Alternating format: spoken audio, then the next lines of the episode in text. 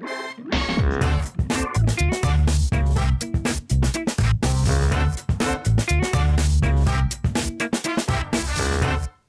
til Olympiapoddens ferdighetshjørne. Jeg heter Morten Bråten, og med meg i studio har jeg Ola Eriksrud. Takk. Det er 20. gangen Oi. siden eh, høsten 21. Hva tenker du om det? Jubileum, altså. Ja. Og denne jubileumssendingen så har vi Trond Pedersen. Velkommen. Tusen takk. Jeg var jo ikke klar over at det var jubileumssending, så det er jo en ære. Ja, Assisterende toppidrettssjef. Ja. Nå siden 1.11. Første ellevte, ja. I dag så skal vi snakke om eh, Olympiatoppen videre. Eh, det er, kan man kalle det et prosjekt, eller har vært et prosjekt? Det er riktig. Det har jo vært et prosjekt eh, som har resultert i en eh, oppdatert strategiplan, som liksom er det vi nå skal legge til grunn for eh, arbeidet vårt frem mot 2028. Men før vi går inn på tematikken som handler om Olympiatoppens strategiplan, det er Olympiatoppen videre. 28 er vel eh, 2028. Stemmer. Ja. Mm. Eh, litt om, eh, litt om eh, deg, Trond. Hva, hva gjorde du før du kom til Olympiatoppen? Det er et godt spørsmål, eh, Morten. Jeg jeg pleier jo ofte å si at jeg har en eh, brei og brei bakgrunn hvor stort sett jeg har jobbet med mennesker, team og prestasjon eh, i organisasjoner. Eh, jeg startet egentlig min eh, det yrkesaktive, relevante karriere i Friidrettsforbundet i 1989. Oh. Eh, hvor jeg jobbet elleve år i Friidrettsforbundet. Så jeg var startet som trenings- og utdanningskonsulent og sluttet som generalsekretær men, eh, i 2000. Men kanskje de spennende, mest spennende åra var jo å være sportssjef på 90-tallet. Med Ja. vår forrige generasjon topputøvere med, med Trine Hattestad og Hanne Haugland og Steinar Hoen og Vebjørn Rodal og den generasjonen der. da. Da kan jeg eh, mimre litt tilbake sjøl, for da hadde jeg noe med den gjengen å gjøre. Og det var en hyggelig periode. Det var det. Jeg husker jo det godt, for jeg traff jo deg den gang eh, allerede. Eh, Så slutta jeg i Friidrettsforbundet i, i 2000, og så har jeg vært i næring, var jeg i næringslivet i 15 år. Fra januar 2000 og fram til eh, 2015, faktisk. Ja. Ulike stillinger innenfor organisasjon, kompetanse, HR, ledelse. Så savna jeg svettelukta og så det var utlyst stilling i Olympiatoppen høsten 2014. og og tenkte at uh, kanskje det er noe å søke på hvis ikke jeg har gått ut på dato. Uh, så jeg tok først en telefon for å sjekke det, da, og så fikk jeg beskjed om å sende en søknad. Og sitter, nå sitter jeg her. Så jeg starta som utviklingssjef i Olympiatoppen i mars 2015. Og det har jo skjedd litt i løpet av de årene, og vi ender nå oppe i Olympiatoppen videre. Det prosjektet som ja, Vi kan vel si at du leder, leder det? Jeg leda prosjektet, ja. ja. Det var en prosjektlederperiode. Og så får jeg en, eh, en betydelig rolle nå som assisterende toppidrettssjef i forhold til implementering av det som eh, vi jobbet fram gjennom prosjektet. Ja. Men eh, det er jo ikke ting jeg skal gjøre aleine, det er ting jeg skal gjøre sammen med resten av organisasjonen. Med, sammen med ledergruppa og resten av organisasjonen. Eh, bakteppet eh, for eh, eh, det prosjektet, Olympiatoppen videre eh, Dere har gjort en del evalueringer underveis. Eh, kan du fortelle lytterne litt om det? Ja, så vi har gjort ganske mye evalueringer underveis, men utgangspunktet var jo en eh, rapport som het 'Utvikling i utfordrende samhandling'. Som var en evalueringsrapport av Olympiatoppen, som Olympiatoppen selv tok initiativ overfor idrettsstyret å bestille. Eh, Vi har jo jobbet etter eh, toppidrettsmodellen 2022 som kom i 2014 som et resultat av Tvedt-rapporten. Ja. Så den lå jo til grunn for eh, det arbeidet vi har gjort nå i, fra 2014-2015 og fram til nå. Eh, og så var vurderingen til, eh, til toppidrettssjefen at det var kanskje på tide å også få en ny evaluering av Olympiatoppen. Og, eh, og da fikk vi den evalueringsrapporten da, som, som ble utarbeidet og kom vel i jeg tror han kom i mars 2021. Ja. Så var den rapporten ferdig utarbeida. Kan, kan du si litt om eh, hvilke endringer som ligger i den eh, rapporten? Ja, altså Rapporten pekte jo egentlig på at det er veldig mye som fungerer veldig godt i Olympiatoppen. Og det var jo veldig godt å få bekrefta. Uh, og det kan vi jo kanskje også se av resultatene som har vært over tid. Men eh, det var godt å få bekreftet eh, fra evalueringsrapporten at det er mye som funker bra. Og du kan si de som var med å lage eller komme med innspill til evalueringsrapporten, det var jo både stipendutøvere, sportssjefer, landslagstrenere og dybdeintervjuer med noen av de, men også dybdeintervjuer med noen internt her på Olympiatoppen. Slik at det var en ganske brei inngang til eh, evalueringsrapporten når den kom. Eh, som pekte på at mye funker bra, men den pekte også på ti forbedringsområder. Eh, for det, det rapporten egentlig sier, da, det er jo at for et organ som har som ambisjon om å være med og lede an til at vi skal prestere best i verden, så må vi også hele tiden ha fokus på egen utvikling. Ja, og det eh, kommer vi antagelig innom eh, på et senere stadie i, i praten her også. Eh, ledelsen har jo endra seg. Dvs. Si det er nye personer inn. Det er litt annen struktur på det. Kan du si litt om det? Ja, det kan jeg godt. Eh, så noe av det som vi kanskje vi som jobber her, kanskje først og fremst merker, er jo nettopp det som du sier, at det er litt uh, endra roller, det er litt nye folk inn. Uh, så de endringene som vi kanskje er lettest å se, da, det er jo endringene f.eks. i, i coachavdelingen. Hvor vi valgte å gå bort fra sommer- og vinteridrettssjef, som hadde en kombinasjon av å være både ledere og coacher, til å ha en dedikert leder for et coachteam. Og nå sier jeg ett coachteam. Det betyr at alle coachene er en del av samme team under ledelse av Hanne Staff, som er den nye leder for prestasjon og utvikling, som vi valgte å kalle den avdelingen. Hvordan, når du hører dette, hva, hva tenker du? Jeg har lyst til å vente litt med ytterligere spørsmål. Jeg er veldig interessert i de ti punktene. Men uh, det høres ut som denne coachorganiseringa var veldig et klokt valg da, for å samle coachene under ett et og samme tak, holdt jeg på å si, sånn at det blir litt uh, bedre fellesskap og kan lære av hverandre. Kanskje i større grad. Ja, det er det som er ambisjonen, i hvert fall. Ja. Så kan jeg også legge til at etter at den evalueringsrapporten kom, da, og vi etablerte prosjektet OLT videre, for det ble jo etablert etter at rapporten var, var laget, eh, så, så, tok vi tak i rapporten. Jeg eh, satte ned en prosjektgruppe som jeg ledet. Og da gjennomførte vi også ganske omfattende Eh, involvering eh, med ansatte i Olympiatoppen. Så vi hadde jo involvering av i overkant 50 ansatte i Olympiatoppen som vi intervjuet enten én til én eller i mindre grupper. Eh, og så brukte vi den informasjonen og bearbeida den og jobbet fram løsningsforslag som vi hadde noen høringsrunder på i april, noen workshops på i april, hvis jeg ikke husker feil. Som igjen var grunnlaget for å gjøre, på å si, ferdigstille den nye strategiplanen. Det høres veldig grundig ut, dette der. Ja, og jeg var, jo, jeg var også med på den, dvs. Si at jeg ble intervjua. Så det må ha vært en tidkrevende prosess for dere som satt eh, i det og gjorde den gjennomgangen. Eh, hvor mange var dere som gjorde den jobben? Det var du og jeg regner med at du hadde med deg flere? Ja, ja, altså det var jeg som gjorde mye av jobben. og Spesielt i starten så hadde jeg med Erling Strand som det jeg kalte co-pilot. Så han hjalp meg en del uh, innledningsvis. Uh, uh, både i forhold til gjennomføring av intervjuer og dokumentasjon. Han er jo skarp på sånne, sånne ting. Ja. så jeg hadde god hjelp av Erling i starten, og så måtte vi omprioritere litt mot slutten. Så da ble det jo mer meg og arbeidsgruppa. Og arbeidsgruppa var jo veldig lik store deler av den tidligere ledergruppa. Eh, så hadde vi en egen styringsgruppe som var godt representert i ledelsen av NIF, da, både administrativt og politisk. Så der var jo representanter både fra idrettsstyret og generalsekretæren. Det var ganske grundig om eh, bakteppet her. Eh, litt, vi faller jo ned på en del konkrete ting her sånn i planen. Jeg har lyst til å gå litt løs på det som handler om visjon, oppdrag og filosofi. Ja. Kan du si litt om visjonen? Og oppdraget og den filosofien som ligger der?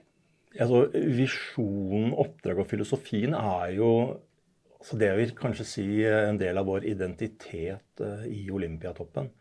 Uh, og både opp, visjonen, oppdraget og filosofien har vi jo gjort svært lite med, egentlig. Vi har jo egentlig ikke gjort noe med det. Vi har tatt det med videre. Vi mener at det er noe av det som identifiserer oss som det toppidrettsorganet vi skal være, med det ambisjonsnivået vi skal ha.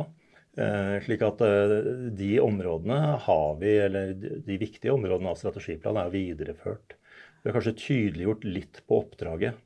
Eh, hvor vi har, For det som har tidligere stått på oppdraget, er at vi skal både utfordre, kvalitetssikre og støtte særforbundenes toppidrettsarbeid, eller prioriterte særforbunds toppidrettsarbeid. Men nå har vi jo lagt til en dimensjon til, og det er at vi skal øke vinnersjansene til norske toppidrettsutøvere i internasjonale mesterskap på høyeste nivå. Ja. Jeg tenker Visjonen den må jo nevnes. Trene og lede best i verden.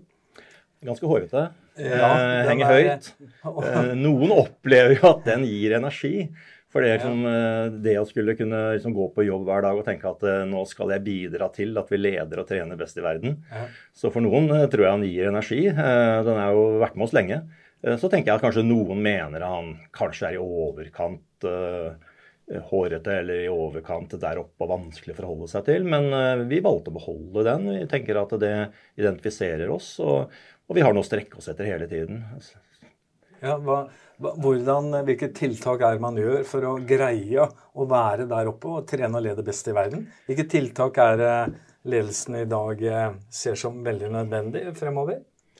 Altså, eh, jeg tenker vi kanskje kommer litt tilbake til tiltakene etter hvert. Eh, jeg, jeg, tror jeg, jeg, har lyst til å vinkle det litt inn på, på holdninger og det holdningsmessige. Fordi jeg tror hvis vi har den visjonen, da, og vi kan liksom identifisere oss med den, og tenke at det er dette jeg er med på, så, så er det det som driver meg. Eh, og da har jeg et perspektiv på at jeg hele tiden er i utviklingssonen. Jeg er i utvikling hele tiden. For å være en del av Olympiatoppen og, være relevant for Olympiatoppen, så må også jeg være med å utvikle meg og min rolle og min kompetanse for å være verdifull for norsk toppidrett. Og, så, jeg, så, jeg, tror det er veldig viktig. altså At vi holdningsmessig liksom ikke er et sted hvor vi kan slå oss til ro, men at vi er et sted, eller at vi har en visjon som gjør at vi hele tiden må strekke oss. da. Både i forhold til trening og ledelse. Får du, får du energi? Ja, jeg, synes, jeg, jeg, får energi, jeg får energi igjen. Så jeg kan jo støtte meg i det du sier der, Trond. Og så syns jeg den er veldig sånn samlende. Og så er den veldig fint tverrfaglig. Mm. Den favner om uh, alt og alle. Det, det liker jeg veldig liker jeg godt, da sammen om de store prestasjonene er vel filosofien? Det er filosofien vår. Ja. Uh, og den liker jeg også utrolig godt. Uh, hvis jeg skal sette ord på det, da, så er jo sammen om er jo oss her på huset sammen uh, med idretten. men det er også oss Så det er oss sammen her på huset. Det er oss sammen med idretten. Det er landslagstrener sammen med klubbtrener. Det er skoletrener sammen med klubbtrener eller juniorlandslagstrener. Eh, så det er hele tiden denne sammen om er så utrolig viktig. Og hvis vi da husker at det er utøveren som er i sentrum, så må vi også huske på at vi andre er sammen om å gjøre det beste for utøveren. For av og til så blir det så mange interessenter rundt en utøver som prøver å bli god, at det blir nesten vanskelig å være utøver. Men ja, nei, den syns jeg igjen tipp topp. For det er laget. Du bygger laget. I forhold til eh, det du gjør her med, sammen med Olympiatoppen, eh, hva er, det, hva er sammen for deg? Uh, hvis vi liksom bringer det ned på fag, da. Ja, ja. Det er jo en, en søyle her. Mm. Men da er det jo sammen uh, på et faglig nivå. Så, så jeg tenker den tverrfagligheten ja, jeg, jeg, ser den. Det er den jeg umiddelbart ser. Og jeg tenker det er ikke noen siloer her. Det er ikke den skuffen og den skuffen. Det er den sammen om. Mm. Hvis vi, det er noe som vi ikke kan hoppe over eller gå forbi. Eh, det er noe som er med oss hele tiden. OLTs verdier. Ja. Eh, kan, kan, du si litt om det? Har de endra seg, eller har de vært statiske gjennom mange, mange år? Du, de har stått der ganske lenge, faktisk. Og verdiene til Olympiatoppen er 100% det samme i den nye strategiplanen som de var i den forrige. For det er eh, verdier som vi virkelig ønsker å identifisere oss med, og som er også en bærer av kulturen vår. Jeg tror de, de verdiene slik som de er beskrevet, eh, er et utrolig godt kompass i mm. forhold til eh, de valgene vi tar, beslutningene vi tar. om vi skal gå til høyre eller venstre. Og, og, det verdikompasset, for å bruke det begrepet, er utrolig viktig for oss. Og, og de fire verdiene som vi har jobbet med i Olympiatoppen, i hvert fall siden jeg begynte i 2015, og før det også, de er jo helt eh, identiske med NIFs aktivitetsverdier. Et av problemstillingene på NIF er at de har så mange andre verdier også. De har jo innført noen veivalg som er fire stykk, og så har de organisasjonsverdier som er fire stykk. Så de opererer jo hver nå med tolv ulike begreper. Eh, vi har holdt fast ved og vært tro mot de fire. som er idrettsglede, fellesskap, ærlighet og helse. Ja. Eh, og så tror jeg Noe som er viktig, som vi har gjort i Olympiatoppen, er jo å si at, eh, at eh, idrettsglede er liksom ikke bare, henger ikke bare i lufta som idrettsglede. Det er idrettsglede som drivkraft. Ja. Og vi har da fellesskap som konkurransefortrinn. Eh, Vi har ærlighet som prestasjonsverdi. Eh, Og vi har helse som forutsetning for livskvalitet og prestasjon. Og Det betyr at gjennom disse små setningene som er hengt på, så gir vi en innholdsdimensjon til selve verdibegrepene som jeg tror gjør at det er, det er mye lettere for oss å forstå hva som ligger i det, og hvordan vi skal operasjonalisere det. ja. Eh, Det var en bra eh, forklaring, bra informasjon for lytteren. Eh, Kjerneoppgaver, kjernevirksomhet. Her oppe så snakker vi mye om det. Eh, Hva, hva handler det om, og hvilken plass har det i den der strategiplanen? Altså, vi har forsøkt også gjennom strategiplanen å være veldig tydelige på hva som er kjernevirksomheten, eller jeg også kan kalle kjerneprosessen, og hva som er støtteprosessene. Eh, kjerneprosessene er jo vårt arbeid med særidrettene. Altså det daglig, handler om daglig treningskvalitet, det handler om relasjoner i prestasjonstimene, og det, og det å hjelpe særforbundene både i konkurranseforberedelser og støtte dem i gjennomføring når det er behov for det. Det er jo litt avhengig av type mesterskap. Om det er et VM som de i stor grad arrangerer på egen kjøl, eller om det er et OL hvor vi er veldig, veldig tett på. Så det er kjernevirksomheten. Og da må vi også ha et forhold til at eh, andre ting vi jobber med, kan også være viktig, men det er støtteprosesser inn mot kjernevirksomheten. Denne organiseringa, eh, kontaktflaten vi har mot idretten. Vi har OLT-coach-nivået, så har vi fagnivå. Eh, Bare for å komme litt ned på det konkrete i forhold til kjerneoppgaver og kjernevirksomhet. Hvordan jobbes det mot idretten? Hvem er det som er førstekontakt? Hvordan er eh, primærjobbinga, hvis jeg kan kalle det det? Så det er også noe vi gjennom den nye strategiplanen har prøvd å, å tydeliggjøre og kanskje beskrive enda, enda klarere. Dette med at uh, altså Vi har oppdatert det vi har kalt samhandlingsmodellen med landslagene. Uh, og Der har vi kjørt en prosess også i OLT videre, der, hvor vi også hadde med sportssjefer i å være med og utarbeide forslaget til uh, den samhandlingsmodellen. slik at det er ikke noe som vi har bare funnet på backoffice her på Olympiatoppen. Den er utarbeida i dialog med noen landslagstrenere eller sportssjefer. Og den beskriver veldig tydelig at det er OLT-coachen som er primærkontakten. OLT-coachen er det vi kaller prosjektleder for å drive den, eller prosessen, prosjektleder. Vi bruker faktisk begrepet prosjektleder for å drive det prosjektet med sin idrett, eller den idretten coachen har et ansvar for. Og da skal jo også coachen ha en eh, lederrolle for det fagteamet som blir satt sammen i Olympiatoppen for å levere eller bidra til eh, utvikling eh, hos den aktuelle særidretten. Slik at eh, OLT-coachen får en utrolig viktig rolle. kanskje Det har han hatt, hatt hele tiden, men blir kanskje enda tydeligere. Det å være prosjektleder inn mot idretten, og det å lede fagteamet som teamleder. Ganske klart og tydelig. Eh, ja. Em, i, I forhold til idrettene eh, så er det noen fargekoder. Em, vi snakker om grønne idretter osv. Kan du si litt om det? Altså, ja, ja, ja, det kan jeg gjøre. Men jeg har litt lyst til å koble det opp mot de målene eller målgruppene som er definert, hvis jeg kan få lov til det, i OLT videre. Ja, det, det vil si strategihuset ditt? Stra eller? Nei, OLT videre er eh, den strategiplanen som ble vedtatt på idrettstinget tilbake i 2019. Ja.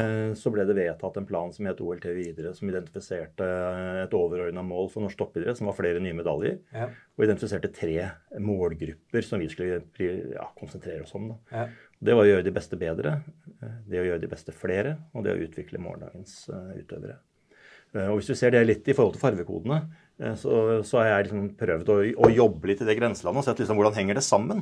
Ja. For for meg så er farvekodene kanskje først og fremst en kategorisering i forhold til hvordan vi prioriterer og styrer ressurser i Olympiatoppen mot idrettene. Eh, hvor kan si de grønne idrettene eh, hos oss da, i farvekodemodellen har pri 1. Eh, og hvis du tenker over til målgruppene, så tenker jeg at eh, det er eh, da en grunn til å tro at der er det mange som er utøvere på første målgruppenivå. altså utøvere som kjemper om medalje. Målgruppe 1 gjør de beste bedre, det teller vi antall medaljer. Ja. Så jeg ser for meg at Eller det er slik det skal være, at når vi snakker om grønne idretter, så er det der vi er. På gule idretter så er det kanskje på nivå litt under. Eh, De får litt lavere prioritering hos oss, og kanskje mer kjennetegna at det er mer av det vi kaller eh, gjøre de beste flere, hvis vi ser på målbildet. da. Som handler om og Skal vi telle det, så teller vi jo det primært i plasseringer 4 til 12. Uh, F.eks. i OL eller P. Det det er utøvere som er på et høyt nivå, men som ikke er helt på medaljenivå enda. Eh, og dem finner vi sannsynligvis ganske mange av når vi snakker om de gule idrettene. Eh, de røde idrettene, som også er en kategorisering, så har jeg lyst til å si, eh, være litt frittalende her og si at jeg liker ikke den fargekoden personlig. Nei. For, jeg synes, for meg så er rødt et sånt stoppsignal. Eh, Så det at vi skal liksom definere en idrett som rød, det har jeg ikke noe særlig sans for sjøl. Selv om den modellen fins hos oss, så, så har vi Så jeg velger å kalle det utviklingsidretter. Eh, Som kanskje er kjennetegnet til at det er mindre selgere eller enkeltutøvere som har en mulighet, fram f.eks. nå mot eh, OL eller PL i Paris, til å kunne gå fram og ta en medalje eller være helt i toppen, uten nødvendigvis å ha et sterkt lag eller et stort lag rundt seg som har samarbeidsavtale med Olympiatoppen, men hvor vi går inn og jobber mer mot selgere, hvor vi ser at her er det spennende ting å utvikle. Her kan vi bidra, og gjennom å bidra med litt, kanskje, kanskje noe færre ressurser enn vi gjør høyere opp i hierarkiet, så kan vi allikevel bidra til å løfte fram medaljekandidater.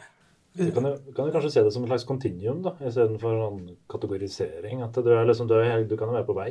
Ja, absolutt. Ikke sant? Så det, er jo liksom, det, det, det røde her kan jo være en, en vei, En vei i, vei til gul. Ja da.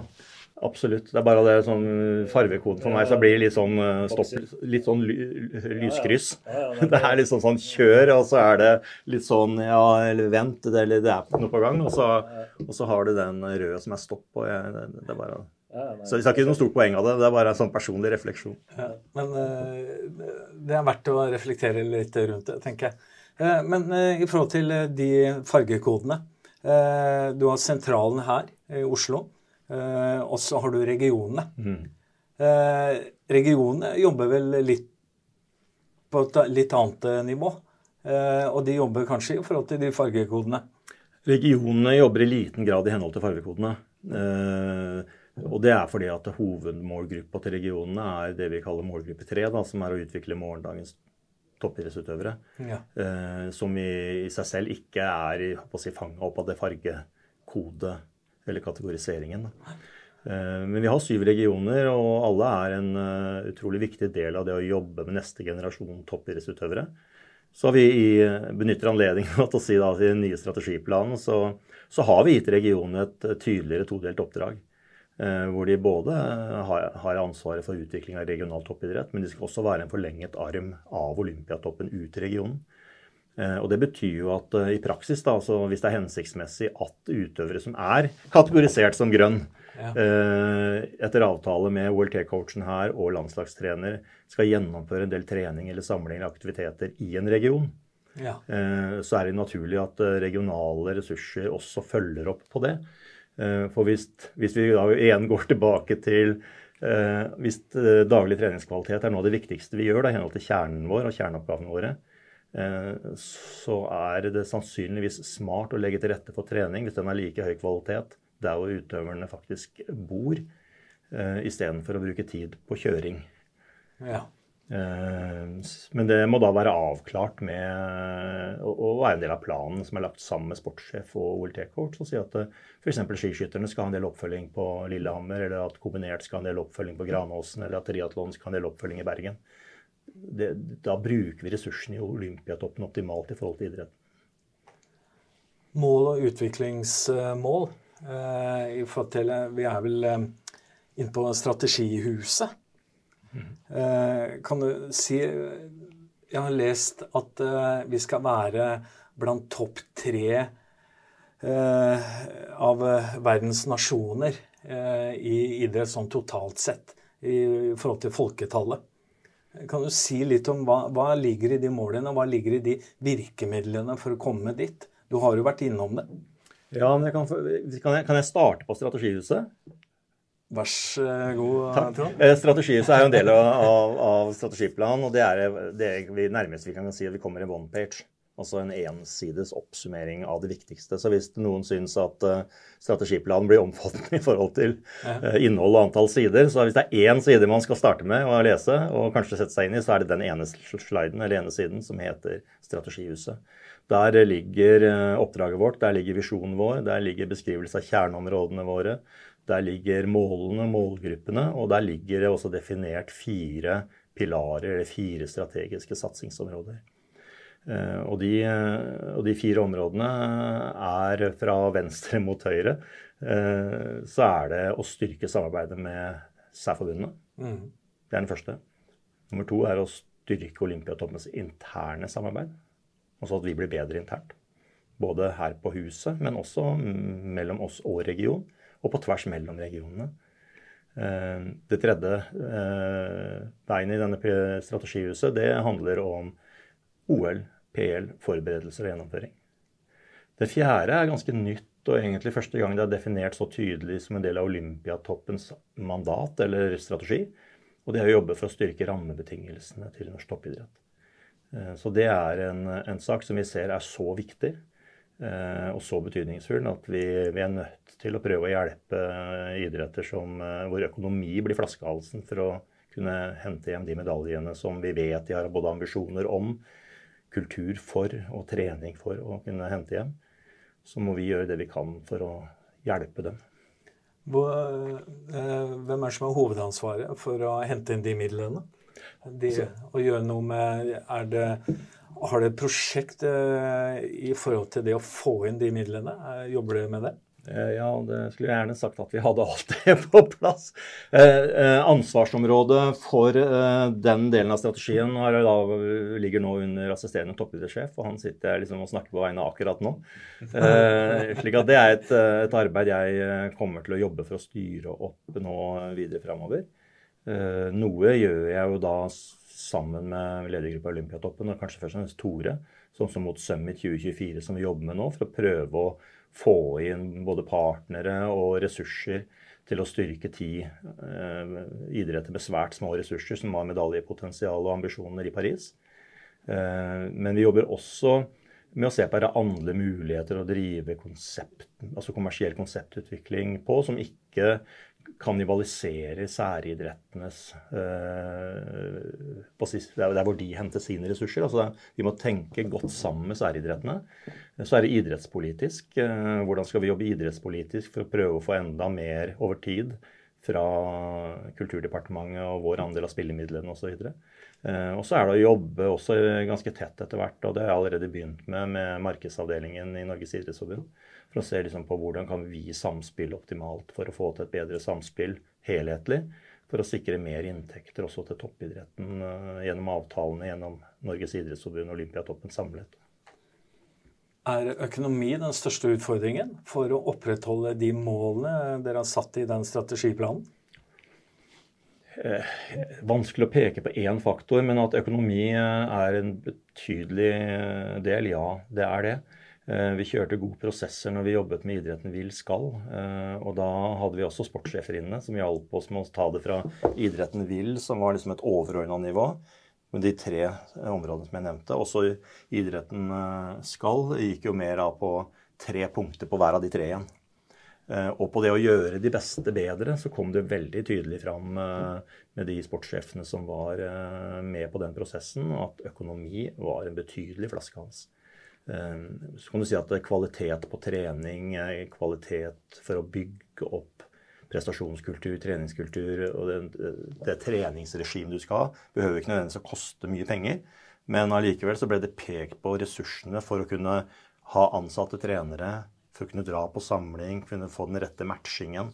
Det å virkelig kunne jobbe med et støtteapparat. Det at en trener i roing ikke nødvendigvis må sitte i bilen og kjøre båten etter Middelhavet sjøl, men at det finnes andre som kan kjøre den bilen enn treneren. Altså, det, er pekt på at økonomi er en betydelig faktor. og Det tar vi på alvor. Vi må prøve å hjelpe de særforbundene der hvor det, der hvor det er der skoen trykker. Så må vi ikke tro at økonomi løser alt. Jeg tror vi må være mye mer selektive på hvordan vi styrer de ressursene vi har. og Derfor står også ressursstyring ganske sentralt i den nye strategien. Ja. Eh, hvordan vi styrer ressursene mot prioriteringer. Hvordan vi samordner ressursene i Olympiatoppen sammen med særforbundets egne ressurser. Hvor vi kan komme inn og gjøre en forskjell. Slik at ikke vi ikke maler med brei pensler og sprer ting eh, flatt, men at vi er mye mer treffsikre i måten å bruke ressurser på. Det ligger vel en del prioriteringer her, eh, Ola, i, i forhold til det Trond er innom her. Um, slik vi, Trond, eh, slik vi kjenner Olympiatoppen i dag, uh, så vi har blitt større. Mm. Uh, og det er en fin sak, men hvilke utfordringer møter vi i forhold til det å ekspandere og bli en større organisasjon i form av at vi blir flere mennesker? Hva, hva, hvilke utfordringer ligger der i forhold til utvikling av Olympiatoppen? Så det ligger, jo, det ligger jo flere utfordringer. Kanskje Den første jeg har lyst til å peke på, det går på ledelse. Altså, Den gangen jeg ble kjent med Olympiatoppen tidlig på 90-tallet, så, så, var det jo Bjørge Stensbøl og en, eh, et fåtall andre her oppe. Og, og, de drev jo ledelse, litt feil å si, men litt etter gule lapper-metoden. Altså, de, de, kunne ha et møte, de tok noen beslutninger, og de hadde noen enkle steder å notere det på, og så kjørte de. Eh, vi har fått en betydelig større organisasjon. Eh, du summerer antall hoder vi har nå både sentralt og regionalt, så er vi jo passert tresifra. Uh, og det å lede en organisasjon som er uh, såpass stor, og få den til å trekke i samme retning, det at det er tydelig hva som er mål, hva som er ansvar, roller og oppdrag, hvordan vi skal samhandle, uh, hvordan vi prioriterer og bruker ressursene smart. Altså Det er en mer kompleks organisasjon som skal ledes. Så det går både på lederskap, det går på, på kompetanse. og Klarer vi å gjøre det smart, så får vi en organisasjon også som kan ha mer komplementær kompetanse som ja. kan ha en bedre tilstedeværelse ulike steder i Norge. Men vi må klare å bruke det på en, på en smart måte, eller på en riktig måte. Eh, for å komme litt tilbake til det konkrete, det med målene. Eh, en nasjon, en vinteridrettsnasjon, sommeridrettsnasjon, har, eh, dere har satt opp noen mål i forhold til det. Kan du si, kan du si litt om det? Hvor, hva er målene? Hvor høyt oppe? Er det, blant, er det nummer én i verden? Er det nummer tre? Eller hvordan, hvordan beregner dere når dere setter opp sånne konkrete mål? Hva, hvordan kan dere gjøre det? Ja, det er ikke så enkelt. eh, og så kan si at Vi ser også på, på rolleavklaringen i, i, norsk toppidrett, så er det jo det enkelte særforbund som har hovedansvar for sin toppidrett. Eh, og som igjen teller plasseringer i hvordan det går i deres egen idrett. Og så har Olympiatoppen et, et, overordnet ansvar for eh, resultatutviklingen i norsk toppidrett og har fokus på å støtte særidrettene. Men når vi går inn i målprosesser, så har vi et ambisjonsnivå. Og det tror jeg er viktig at vi er tydelige på. Vi har jo en visjon om å lede og trene i beste verden, så da må vi jo henge lista litt høyt når det gjelder ambisjoner og mål også. Eh, så tror jeg det er veldig viktig at vi vet hvor vi er til enhver tid. Eh, og vi går jo stadig vekk inn og ser på en sånn internasjonal rankingside hvor vi går inn og, og, og ser hvordan vi ligger an. Uh, Greatest Sporting Nation heter den siden. Ja. Greatest Sporting Nation. Uh, akkurat nå, uh, når vi liksom teller månedsskiftet, eller så på no månedsskiftet november-desember 2022, så lå vi på en suveren førsteplass i forhold til innbyggertall. veldig, veldig langt foran nummer to. Men hvis vi splitter på kjønn, så var vi enda mer suverene på herresiden. Mens på kvinnesiden så var vi nummer tre. Ja. Så vi har en utfordring der på jentesiden i forhold til guttesiden. Eh, så det er guttene som er eh, veldig veldig sterke. Og så er jo ikke jentesiden heller dårlig, men eh, der ligger vi litt bak. Hvis vi går inn og sammenligner oss med eh, nasjoner uansett størrelse, altså det som heter Global Cup, da. Eh, og der blir jo alle nasjoner ranka uavhengig av om det er USA eller Norge i forhold til folketall. Eh, der er vi nå, i 2022, nummer ti. Eh, og da er det stort sett supermakter og nesten kontinenter som ligger foran oss på, på skalaen, og så kommer lille Norge. Eh, men nok en gang, hvis vi deler det på kjønn, så er vi faktisk på fjerdeplass på gutta og på 15.-plass på jentene. Eh, så utgangspunktet vårt er veldig sterkt. Hvis du ser også på vinter-OL og også PL nå sist, så nådde vi målene våre om å være beste nasjon. Målet er vel å være blant de tre beste. Eh, vi har jo vært beste nasjon både i 2018 og nå i 2022 på vinter-OL. Eh, på sommer-OL, på sommeridrettene, så har vi en lenge, litt lengre vei å gå. Eh, men sommeridretten er i utrolig frammarsj. Eh, og hvis du ser da på hvem, hvilke idretter som scorer poeng på Greatest Sporting Nation, så er det 17 idretter som scorer poeng. Ni av de er vinter, og åtte er sommer. Slik at Der er det mange sommeridretter nå som har tatt steget opp og skaper rankingpoeng for Norge på den, på den rankingen. Så må vi erkjenne at det er fortsatt skiidrettene som tar mest poeng. Ja. Du er jo innom mangfoldet her. Kvinner, menn. Så har vi parastrategien. Mm. Hvilken plass har parastrategien i, i OLT videre? Så vi har Altså vår måte å implementere strategien på, det er jo det er, det er snakk om full integrering. Ja. Altså, Vi ønsker ikke å ha en parallell parasatsing som går litt ved siden av den andre satsingen. Vi ønsker å ha en full integrering eh, i virksomheten eh, vår. Eh, I parastrategien så ligger det sju satsingsområder, eh, hvorav toppidrett er én.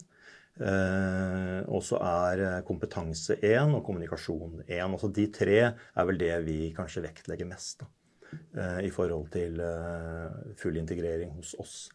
Eh, det jo, og, det betyr jo at en coach hos oss, eh, primært, eller en OLT-coach primært hos oss, skal ha ansvar også for paraidretten innenfor den idretten de har ansvar for. Og at vi har fagressurser i fagavdelingene som jobber både med de funksjonsfriske og med parautøverne.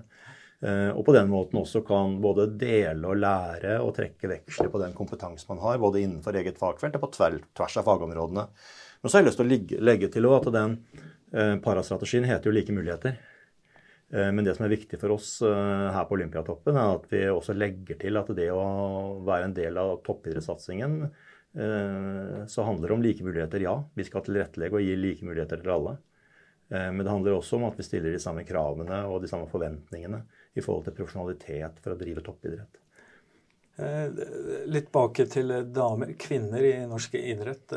Kvinnelige medaljører. Hva gjør vi? Hva gjør vi for å, få flere av de? Gjør vi noe konkret? Ja, Vi gjør noe konkret, men det, litt, men det, er langsiktig arbeid. Og så er det jo ikke opp til oss alene å gjøre det. Vi må stimulere også særforbundene til å gjøre det meste. For det er jo der ting skjer, det er der treningen foregår. Eh, så noe av det vi gjør, er å prøve å stimulere særforbundene nettopp til å få litt mer fart på, på det. Eh, eksempelvis så kan jeg jo nevne at når vi nå har satt i gang nye talentutviklingsprosjekter Vi setter i gang nye prosjekter nå, 19 prosjekter nå i januar. Eh, hvor vi både har fått støtte fra Sparebankstiftelsen DNB, og noe går av interne ressurser. Eh, så har vi jo et uh, egne kriterier og krav der i forhold til uh, hvor mange kvinneprosjekter det skal være i de langsiktige prosjektene som vi jobber med over fem år. Så der er det en, uh, både en andel kvinneprosjekter eller jenteprosjekter og paraprosjekter som er en helt naturlig del av de talentutviklingsprosjektene. Samme måte gjør vi på Trenerløftet, som også er et prosjekt vi kjører med støtte fra Sparebankstiftelsen DNB Eh, som går på utvikling av morgendagens trenere. Det er liksom unge, talentfulle trenere som får veiledning i å utvikle seg i trenerrollen. Eh, der har vi også en eh, fordelingsnøkkel nå på hvor mange kvinner det skal være. Det skal være minimum 40% av begge kjønn, har vi sagt. Fortsatt er gutta i flertall, men kanskje om neste periode så, så, er det ikke det lenger. Og så er det et tredje prosjekt jeg har lyst til å nevne som hvor vi nå også Nå gjentar jeg Sparebankstiftelsen DNB enda en gang. For de har også gitt oss penger til noe de kaller mangfolds, som vi har kalt Mangfoldsprosjektet. Som handler om å gå, kunne gå inn og støtte kvinnelige trenere eh, i trenerroller, som gjør at de faktisk sammen med Særforbundet lager forpliktende avtaler for kvinner som ønsker å satse som trenere. Slik at de får arbeidsavtaler som varer over tid, da, slik at de kan jobbe med kontinuitet. og slik at neste gang det kommer en stilling som landslagstrener eller sportssjef en gang i fram i tiden, så har vi flere kvinner som har stått i trenerstilling over tid, som kan være helt naturlige kandidater til å få de pga. kompetanse, og ikke pga. at de blir kvotert inn. Hva tenker du, Ola, i forhold til eh, kvinner, eh, mangfold, like muligheter osv.? Eh, jeg syns at dette var ganske klart, da. Jeg synes det var veldig, veldig tydelig. Altså, jeg tror det der siste poenget ditt der er fryktelig viktig. Den derre forutsigbarheten. Mm. Kontrakter over tid. Mm. Og så syns jeg det er veldig fint at det er sånn du får den pga. den kompetansen du har opparbeida deg.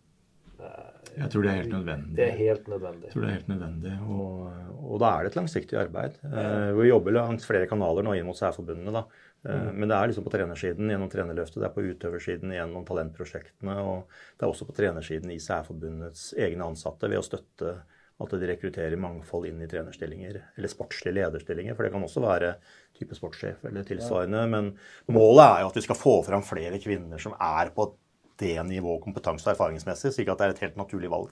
Ja. Nei, altså Dette tar jo tid. Visst gjør det. det er jo, men liksom, du må jo bare begynne et sted. Så setter du et strekk i sanda, og så bare jobber du derfra. Eh, vi begynner å nærme oss avslutningen. Eh, jeg føler det. Eh, hvis ikke du har noe veldig på hjertet som du ønsker å si. Jeg har et spørsmål igjen. Kjør, kjør, kjør, på. Det kan være spørsmål underveis her du har stilt som jeg ikke har besvart fullt ut også. Det, det, men det er fordi jeg blir litt ivrig, kanskje. Nei, det er vel mer pga. at eh, vi har ikke den oversikten som du har, eh, Trond. Det, det må du vite. Men vi får mye skryt av utenlandsk presse, media, i forhold til våre resultater på idrettsbanen. Hva er, hva er det som er årsaken til at vi presterer på det nivået vi gjør i dag? Eller hva kan være årsaken eh, til det. Har du, noen, har du noen klare synspunkter på det for lytterne? Ja, altså, Jeg tror ikke det er noen sånn enkel fasit, for det er, ganske, et ganske sammensatt, sammensatt, svar. Men uh, jeg tror at uh, hvis en skal liksom starte helt i bånn, mm -hmm. så tror jeg den norske idrettsmodellen i seg selv, med barneidrettsbestemmelsene, Eh, og det at vi har ivaretatt barns rettigheter kobla opp mot det å drive idrett, det tror jeg er et godt fundament. Ja. Jeg tror det er et veldig godt fundament. For der ligger også det å se på rekruttering, bredde og topp som en del av et fellesskap.